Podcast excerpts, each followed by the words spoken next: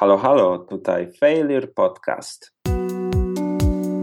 Największym błędem na etapie realizacji. Marzyłem o tym, żeby z przychodów spółki starczało na nasze pensje. Ciężko jest zbudować dużą bazę content nie rozmawiając z nimi, nie promując swojej idei. To jest trochę jazda bez trzymanki. My nigdy wcześniej nie prowadziliśmy własnego e-commerce'a. Przełamujemy mit beztroskiego życia startupowców i przedstawiamy ciężką pracę wkładaną w budowę biznesu. Omawiamy trudności w prowadzeniu własnej firmy i nie boimy się rozmawiać o porażkach. Jeśli szukasz praktycznej wiedzy, którą możesz zastosować w swoim biznesie, to trafiłeś we właściwe miejsce. Witają się z Wami Paweł Antkowiak i Mateusz Ośpieszny. Fair Podcast. Ruszamy!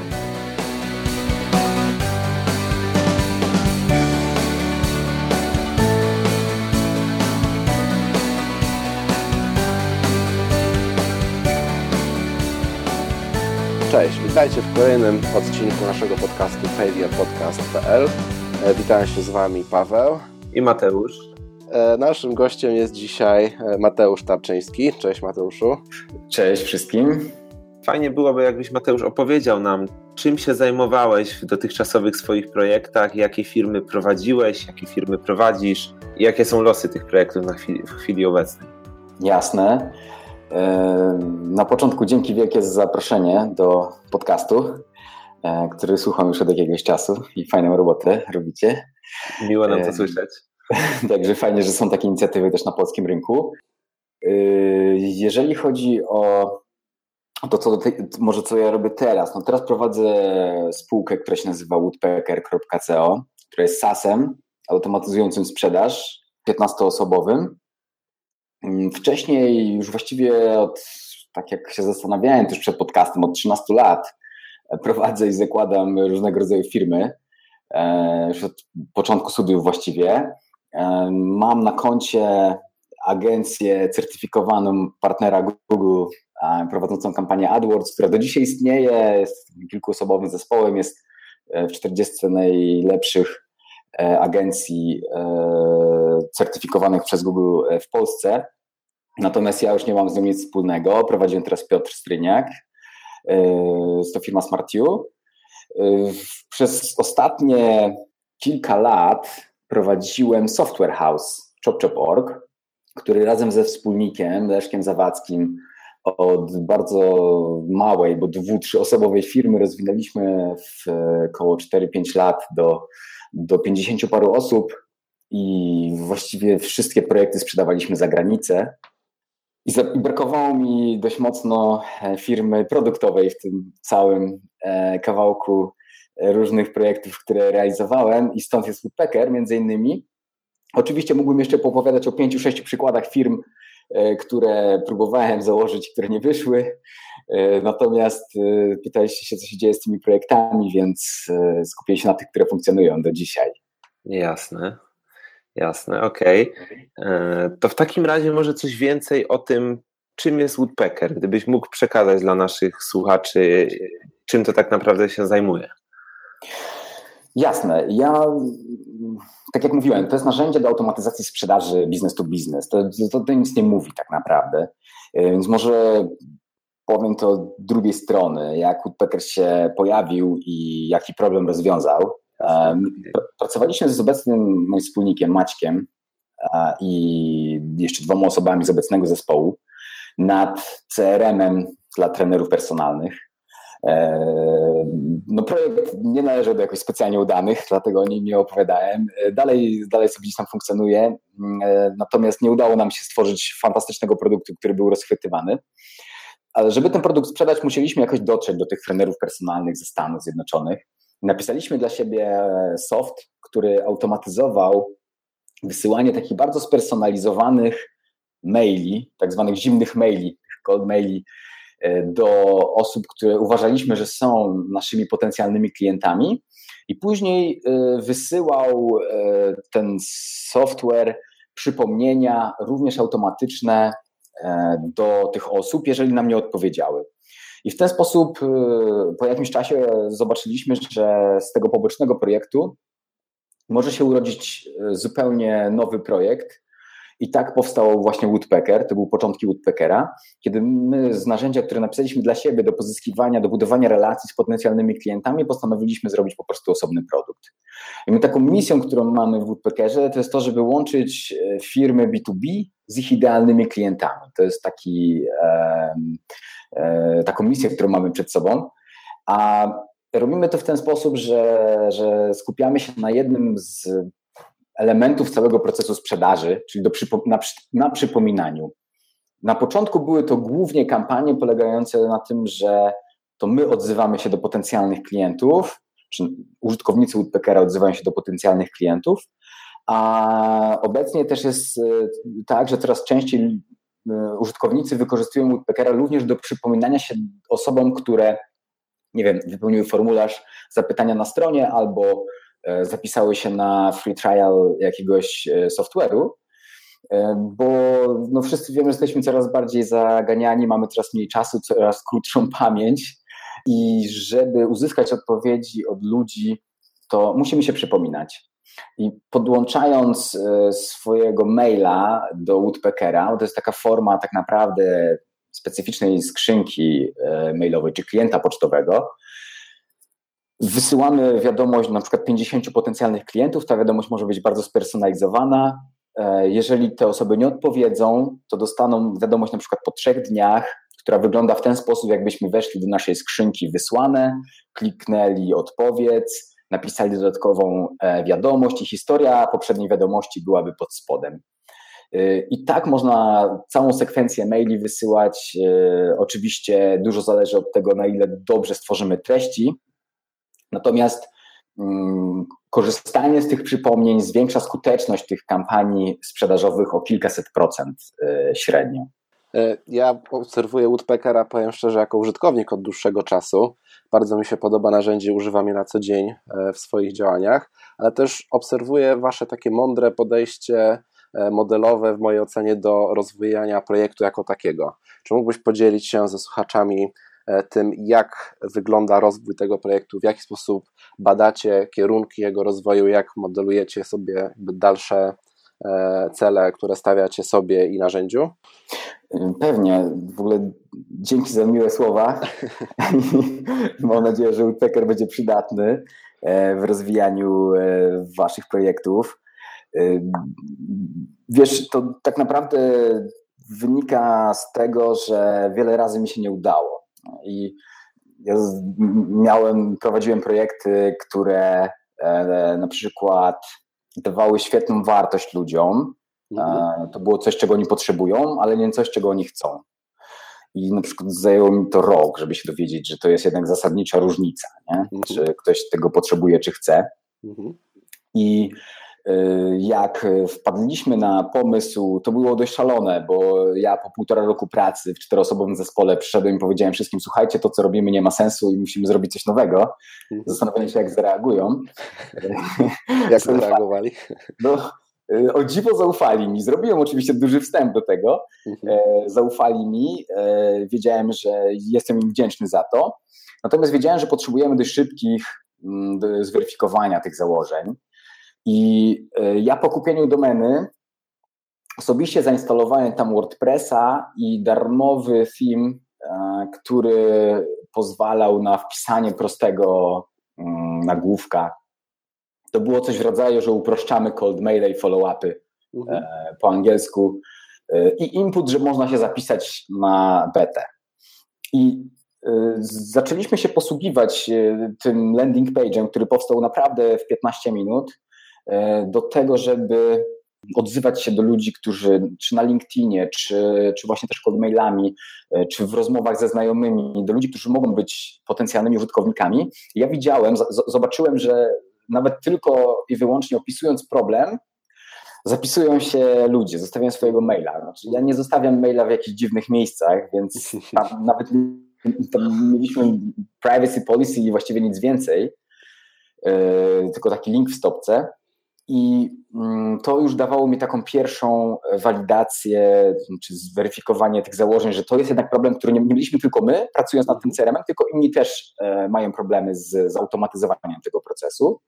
E, natomiast to jest, e, z mojego punktu widzenia było ważniejsze, ja ten notyfikator, który, jeżeli ktoś się zapisał, dostawałem notyfikator, który ustawiłem na swoją skrzynkę i ja odpisywałem osobiście do, do tych ludzi, dlaczego się zapisałeś, co cię bolało, może byśmy porozmawiali przez Skype'a i w ogóle skąd o nas się dowiedziałeś. Mhm.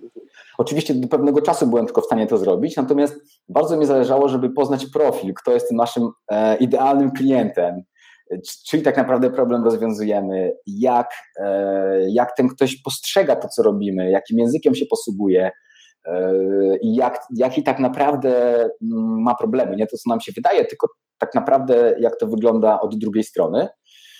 I to jest coś, o czym ja już długo, od wielu lat wiedziałem, tylko w praktyce to jest niezwykle trudne, e, żeby to zrobić, bo najchętniej zawsze się zamykamy i wymyślamy funkcjonalności, pracujemy nad produktem, a ten etap takiej nieskalowalnej rozmowy, e, pisania do ludzi, rozmawiania zawsze pomijamy, bardzo często się zapomina i pomija.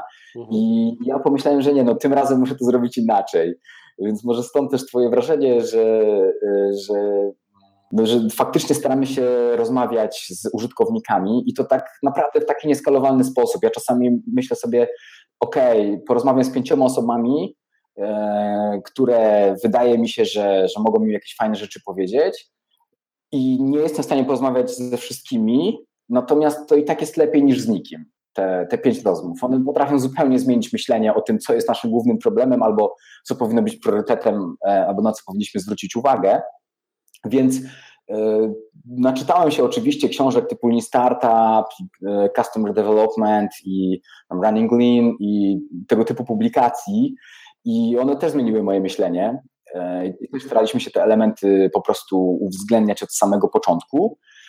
Y, więc w sumie nie mamy żadnej, nie, nie mam żadnej takiej rewolucyjnej metody, natomiast to, co po prostu sobie uświadomiłem, to to, że tam po drugiej stronie są ludzie i żeby złapać za ten telefon, do kogoś zadzwonić, żeby napisać tego maila, się dowiedzieć, żeby złapać tą osobistą relację i po prostu dowiedzieć się, E, paru ciekawych rzeczy, a zwłaszcza na początku wiele osób to są jednak ci, e, ci, ci e, early adapters, wcześni innowatorzy, załóżmy, którzy mhm. bardzo chętnie dzielą się swoimi przemyśleniami i to, to nam tak naprawdę pozwoliło rozwijać aplikacje i nadawać jakby kierunki rozwoju produktu. Kiedy powstał ten landing page, który zapoczątkował rozwój projektu?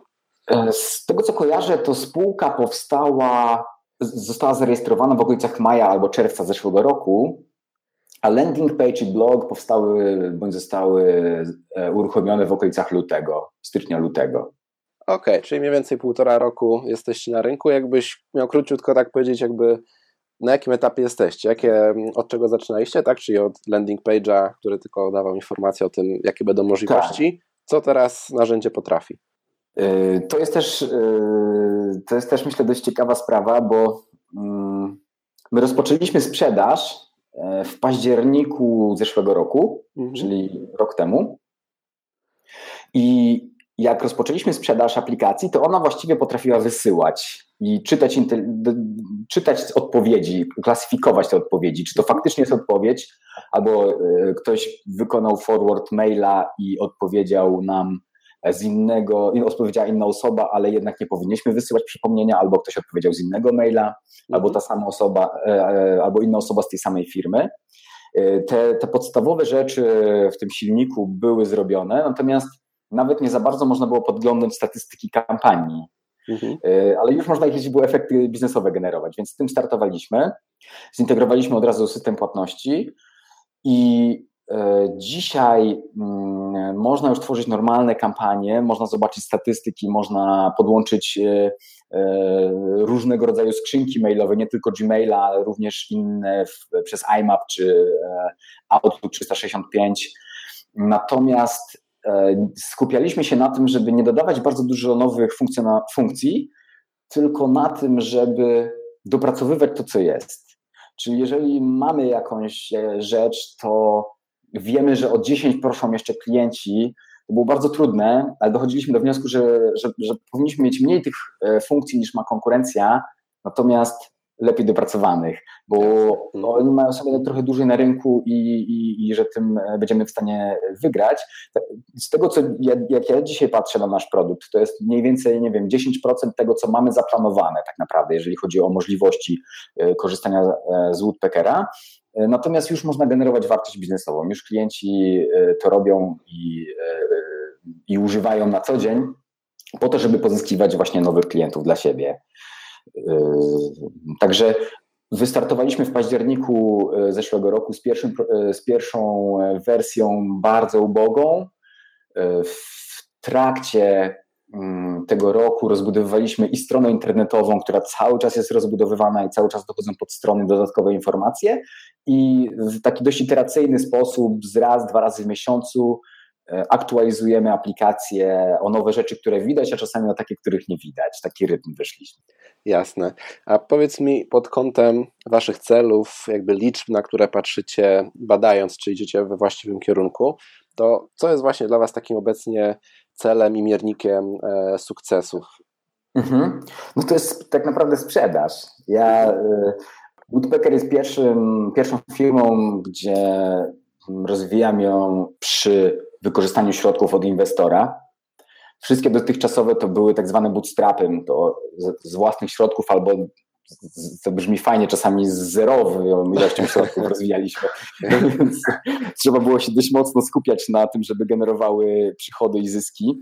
I ta mentalność gdzieś we mnie siedzi. Znaczy ja nazywam Woodpeckera startupem, no bo no, no okej, okay, bo w sumie spełnia kryteria definicji. Mhm.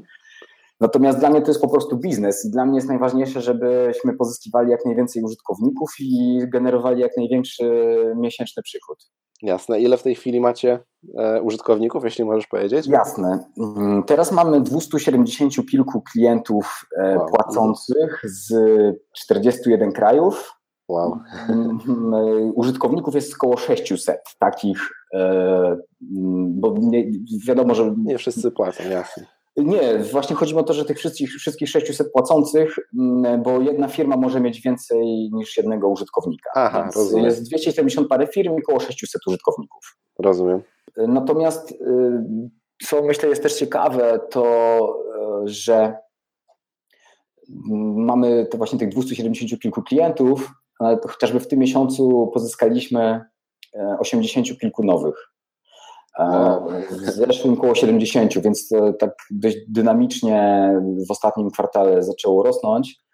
I właśnie tak e, się śmiałem ostatnio do siebie, że dostaję gratulacje jeszcze z tego post, blog posta, gdzie pisaliśmy o 200 nowych klientach i to już jest szybko stało się nieaktualne, co mnie cieszy.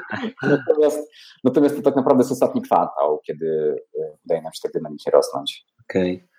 A ja jeszcze chciałem dopytać, bo wspomniałeś właśnie o e, produktach konkurencyjnych, które chociażby mogą być bardziej funkcjonalne. Mhm. Jak w ogóle zagęszczony jest ten rynek produktów tego typu jak wasz? Jak to wygląda? Bo przyznam, nie orientuję się, sam mhm. myślę, że słuchacze też chętnie by się tego dowiedzieli. Ja, ja myślę, że za mało jeszcze jest zagęszczony, bo okay. ja w ogóle uważam, że budowanie czegoś, czego jeszcze nie ma, albo bycie pierwszym, to jest bardzo zła strategia, bo ja już to próbowałem robić i pewnie daje to fantastyczne efekty, jeżeli się e, trafi. trafi. Natomiast właśnie to to słowo trafi to mi się nie, jednak nie podoba. Ja, ja tak naprawdę zabrałem się za Woodpeckera w momencie, jak zobaczyłem, że jest jakaś konkurencja. E, okay. To też nie były duże firmy, miały po kilkuset klientów wtedy, mm, natomiast to dawało mi takie przekonanie, że już ten pomysł jest zweryfikowany i ktoś chce za to zapłacić, a my to mamy napisane, więc mi się to dość fajnie składało. Y, I tak, powstaje dużo tego typu podmiotów, natomiast ciągle świadomość rynku jest jeszcze nie aż tak duża. Znaczy, IT wie, branża IT, różne firmy z branży IT już wiedzą, że można automatyzować pewne procesy w sprzedaży. Natomiast jeżeli wychylimy się tylko kawałek za, to bardzo często ludzie korzystają z Thunderbirda do wysyłania regularnych kampanii outboundowych. E, I, I, codziennie korzystają jeszcze z Excela, gdzie sobie zapisują, kiedy mają wysłać follow-upa. My sami to robiliśmy, to jeszcze parę lat temu to był standard. E, natomiast to, że mamy konkurentów, to, że dużo firm w tym obszarze powstaje, zaczyna budować świadomość wśród e, potencjalnych użytkowników i ja też to było jedno z rodzajów ze strategii, że my się nie skupiamy na tych osobach, które musimy przekonywać bardzo mocno, zwłaszcza na początku, tylko skupiamy się na tych, którzy już mają u siebie te procesy poukładane, a my je po prostu automatyzujemy. Okay. I tacy użytkownicy od razu widzą e, wartość, więc to, że powstaje konkurencja i że jest, to tak naprawdę mm, ja odbieram bardzo dobrze, bo tam, gdzie jest konkurencja, tam jest rynek. Okej, okay. E, jeszcze mam takie jedno stricte produktowe pytanie. Gdybyś powiedział nam, co w samym Woodpeckerze jest dla Was największym wyzwaniem, jako w produkcie, w rozwoju tego produktu? Mhm. Moim zdaniem e, największym wyzwaniem dla nas jest e, odpowiednie rozwinięcie zespołu produktowego. E, zespołu, który pracuje nad rozwojem produktu, bo e, bardzo trudne jest oddanie rozwijania koncepcyjnego tej wartości biznesowej produktu przez e, założyciela firmy czy współzałożycieli firmy, a wraz z rozwojem organizacji, no ja na przykład muszę się zajmować też innymi rzeczami. I to zaczyna powoli ciążyć i spowalniać niektóre procesy, więc zbudowanie takiego zespołu z, ze świetnych specjalistów, jeżeli chodzi o UX, jeżeli chodzi o design, jeżeli chodzi o frontend, jeżeli chodzi o backend, to jest jedno z takich mm, kluczowych wyzwań, problemów, które teraz przed nami stoją.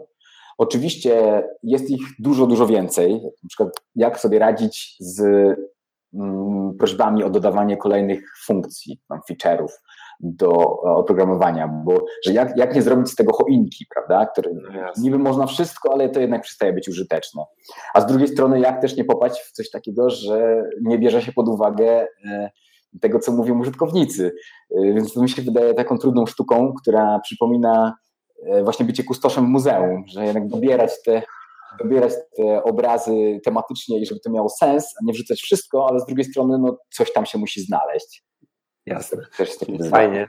Dzięki za te informacje. Słuchaj, chciałbym właśnie w tym momencie przejść do tych, tej kwestii takiej związanej z doświadczeniem i z osobami. Już sam powiedziałeś o budowaniu zespołu. Ty sam jesteś doradcą i inwestorem w Right Hello, mhm. o którym mogliśmy też posłuchać w jednej z naszych poprzednich audycji. E, jakie znaczenie właśnie ma dla Ciebie i dla Twoich projektów pomoc różnych doświadczonych osób z zewnątrz, które nie są bezpośrednio zaangażowane w projekt na co dzień i wszelkiego takiego zewnętrznego finansowania. Jak ty to widzisz? Moim zdaniem y, to zewnętrzne finansowanie dzisiaj y, jest bardzo popularne i zaczyna trochę zmieniać myślenie ludzi, co na rynku w negatywny sposób, mam wrażenie. Pomoc doradców to też jest fajny trend, że korzysta się z e, opinii doświadczonych osób. Natomiast tak naprawdę jedno i drugie to jest tylko dodatek, moim zdaniem. To nie jest kluczowe przy rozwoju e, projektów. I ja najchętniej, chociaż mam bardzo dobre relacje z moim inwestorem, z naszymi inwestorami i pozdrawiam ich z tego miejsca, ale najchętniej nie korzystałbym z zewnętrznego finansowania, gdybym nie musiał. Chociaż w tym modelu software as a service, gdzie trzeba najpierw zbudować produkt, jest to niezwykle trudne i bardzo czasochłonne, dlatego świadomie się zdecydowaliśmy na ten ruch. Natomiast ja uważam, że korzystanie z zewnętrznego finansowania to nie jest sposób na działanie firmy. To jest ewentualnie znaczy zwłaszcza jeżeli to, jest na przykład czyjaś pierwsza firma, ja bym tego, ja bym tego nie robił, ja bym nie szukał inwestora. Skupiłbym się na klientach i na, na sprzedaży. E, jeżeli chodzi o doświadczenia e, osób i doradców, to, to ja dopiero teraz właśnie przy Woodpeckerze otworzyłem się na takie, na takie myślenie, bo oczywiście mm, to jest bezcenne. To, to, że w naszej branży IT można porozmawiać z ludźmi, którzy już przechodzili pewne ścieżki, można się od nich dowiedzieć jak mm, poradzić sobie z pewnymi problemami, które oni już kilka razy rozwiązywali, to bardzo oszczędza czas i pozwala czasami naprawdę osiągnąć niesamowite efekty w dużo krótszym czasie niż samodzielne dochodzenie do rozwiązania. Natomiast to też czasami bywa pułapka, e, że można dany cel osiągnąć na kilka sposobów i, i, i, mm, zbyt dużo poświęcania czasu na takie konsultacje zewnętrzne, czy na, nawet na, na, na rozmowy, na doradztwo, powoduje, że raz idziemy e, jedną ścieżką, zaraz drugą, e, później znowu trzecią, bo ktoś nas zafascynuje jakimś nowym, nowym pomysłem, nową koncepcją. Więc ja korzystam z tego typu narzędzi, ale również mam do tego dystans i nie jestem taki hura optymistyczny, jeżeli o to chodzi. E, a co mnie trochę boli, to to, że jak rozmawiam z ludźmi, e, którzy na przykład planują rozwinięcie swojej firmy i widzę, że oni nie planują, że ta firma ma być rentowna od pierwszego miesiąca, to się zastanawiam czemu. Znaczy, no, to jest moim zdaniem coś nie tak. Nie, nie trzeba liczyć na to, że się pojawi magiczny inwestor i nam rozwiąże problemy. Oczywiście no, to jest tak jak narzędzie, nie? można wykorzystać dobrze i źle, e, Natomiast mam wrażenie, że teraz zbyt duży nacisk jest na to, że ja koniecznie muszę mieć inwestora, żeby coś zrobić. Nie? To znaczy właśnie, tak pozwolę sobie tutaj nawiązać. Ostatnio nawet przeczytałem takie ciekawe zdanie, że u nas jest rzeczywiście, przynajmniej mam wrażenie na rynku polskim, taka kultura poszukiwania inwestora od początku, że to inwestor ma sfinansować mój projekt, podczas gdy chociażby w Dolinie Krzemowej jest taka różnica, że pierwszą osobą, którą namawia się do inwestycji są najbliżsi znajomi i rodzina. Dlaczego? Mhm. Dlatego, że jeśli nie chcę zaufać i nie jestem w stanie przekonać rodziny i najbliższych do zainwestowania, to chyba coś jest nie tak z tym moim projektem. No jasne, to jest też myślę, że kwestia zbudowania całej takiej struktury społecznej wokół e, tematyki inwestowania i pewnego też kapitału, bo jednak Polacy mają dużo mniejsze możliwości finansowe niż przeciętny Amerykanin, dużo mniejsze zaufanie e, społeczne pomiędzy ludźmi i dużo mniejszą kulturę w ogóle inwestowania w tego typu projekty, też rozwiązania prawne, ale coś w tym faktycznie jest że, mm, że zbyt często teraz widzę osoby startujące z firmami skupiają się po prostu na pozyskaniu finansowania zewnętrznego, zamiast na poszukaniu e, takiego zweryfikowania, czy ten mój pomysł ma, czy on ma sens, czy on ma po prostu sens. Mhm. E, żeby porozmawiać z tymi klientami potencjalnymi, żeby zobaczyć, czy oni chcą za to płacić, żeby zobaczyć, co oni powiedzą na, na, na ten temat pomysłu, który, który mamy w głowie. Te rozmowy też niczego nie gwarantują, bo możemy mieć wspaniałe deklaracje, ale jak przyjdzie co do czego, to, to nie muszą wcale chcieć skorzystać z naszego produktu e, te osoby, które wcześniej deklarowały, że to zrobią. Natomiast to i tak jest więcej niż nie zrobienie niczego, opieranie się na samych założeniach. No jasne. E, Mateusz, powiedz nam o swojej motywacji. Co Ciebie motywuje do tego ciężkiego, codziennego życia przedsiębiorcy, zmagania się z problemami, wstawania rano i realizowania się w ten sposób? To jest, e, to jest śmieszne, może to jest jakaś wada genetyczna, nie wiem, ale ja lubię to zmaganie się z problemami.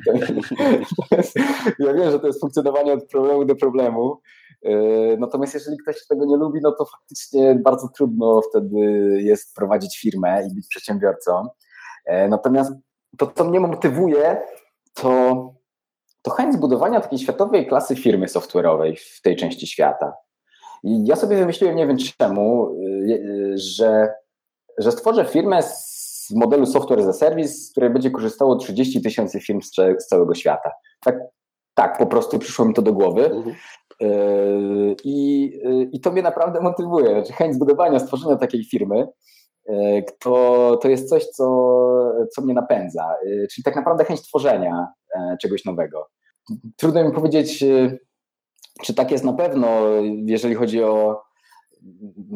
Tych czynników jest bardzo dużo, natomiast wydaje mi się, że to jest kluczowe, właśnie chęć stworzenia czegoś i, mm, i poczucie, że to, co robię, wpływa na rzeczywistość. Jasne. A tak na koniec, co było dla Ciebie najtrudniejsze do tej pory w rozwi rozwijaniu Woodpeckera? Jakby jaka sytuacja, jaki problem, jakie wyzwanie e, było dla Ciebie największe? Dla mnie bardzo trudne było wytrzymanie psychiczne tego, że przez miesiące pracuje się nad e, projektem, gdzie nie ma szans na to, żeby on uzyskał płynność finansową, mhm. no, tych pierwszych miesięcy, dopóki nie, zacznie, nie, nie będzie rozpoczęcia sprzedaży. Mhm. Później przy rozpoczęciu tej sprzedaży wytrzymanie tego, że to jednak są dość małe środki w porównaniu do kosztów, które się ponosi, czyli ten proces dochodzenia do rentowności jest rozłożony w czasie. I żeby nie robić jakichś głupich, gwałtownych ruchów w tym czasie, czyli trzymać się strategii, czyli nie szukać dróg na skróty, nie nie wymyślać, nie skakać z jednego pomysłu na drugi, tylko bardzo mocno, skrupulatnie, codziennie realizować y, to, co się postanowiło, oczywiście korygując o, o to, co się dzieje na rynku, czy o te, mm, e, informacje od klientów, które się pojawiają, natomiast żeby nie odchodzić od tej strategii, nie szukać dróg na, na skróty. To było naprawdę duże wyzwanie, bo te wszystkie firmy, które do tej pory zakładałem, one były od pierwszego miesiąca rentowne i funkcjonowały, albo, albo po prostu umierały po 3, 4, 5 miesiącach. E, a tutaj było tak, że, e, że jednak no, musieliśmy ładnych parę miesięcy pracy mm, w to wszystko włożyć. I, I wielkim wyzwaniem było dla mnie też pracowanie nad, nad wszystkim naraz. Ja już z firmy, która ma kilkadziesiąt osób, office managerkę, e, osoby od marketingu i tak dalej, i tak dalej. Ja nagle się znalazłem znowu w małej organizacji, gdzie wszystko przeze mnie przychodziło i, i bardzo nie było wcale tak łatwo delegować te zadania. Jakby zbudowanie całego zespołu i poukładanie tych procesów na nowo i jeszcze w firmie produktowej, to, to takie naprawdę było codziennie jakiś nowy problem, codziennie jakaś nowa sprawa, która, e, która, która była do załatwienia. I e, tak naprawdę nie było takiego jakiegoś wielkiego krachu, który musieliśmy rozwiązać, ale to raczej była po prostu seria codziennych, cotygodniowych, mniejszych bądź większych problemów. I oby tak pozostało. E, gorąco życzę. Na koniec, Mateuszu, jak najlepiej z Tobą się skontaktować? Gdyby któryś z naszych słuchaczy miał jakieś dalsze pytania, poprzemyślenia, e, chciał się skontaktować, jak najlepiej do Ciebie dotrzeć? Mhm. Można wysłać maila na mateusztarczyński małpa gmail.com Ewentualnie na, napisać do mnie na Twitterze.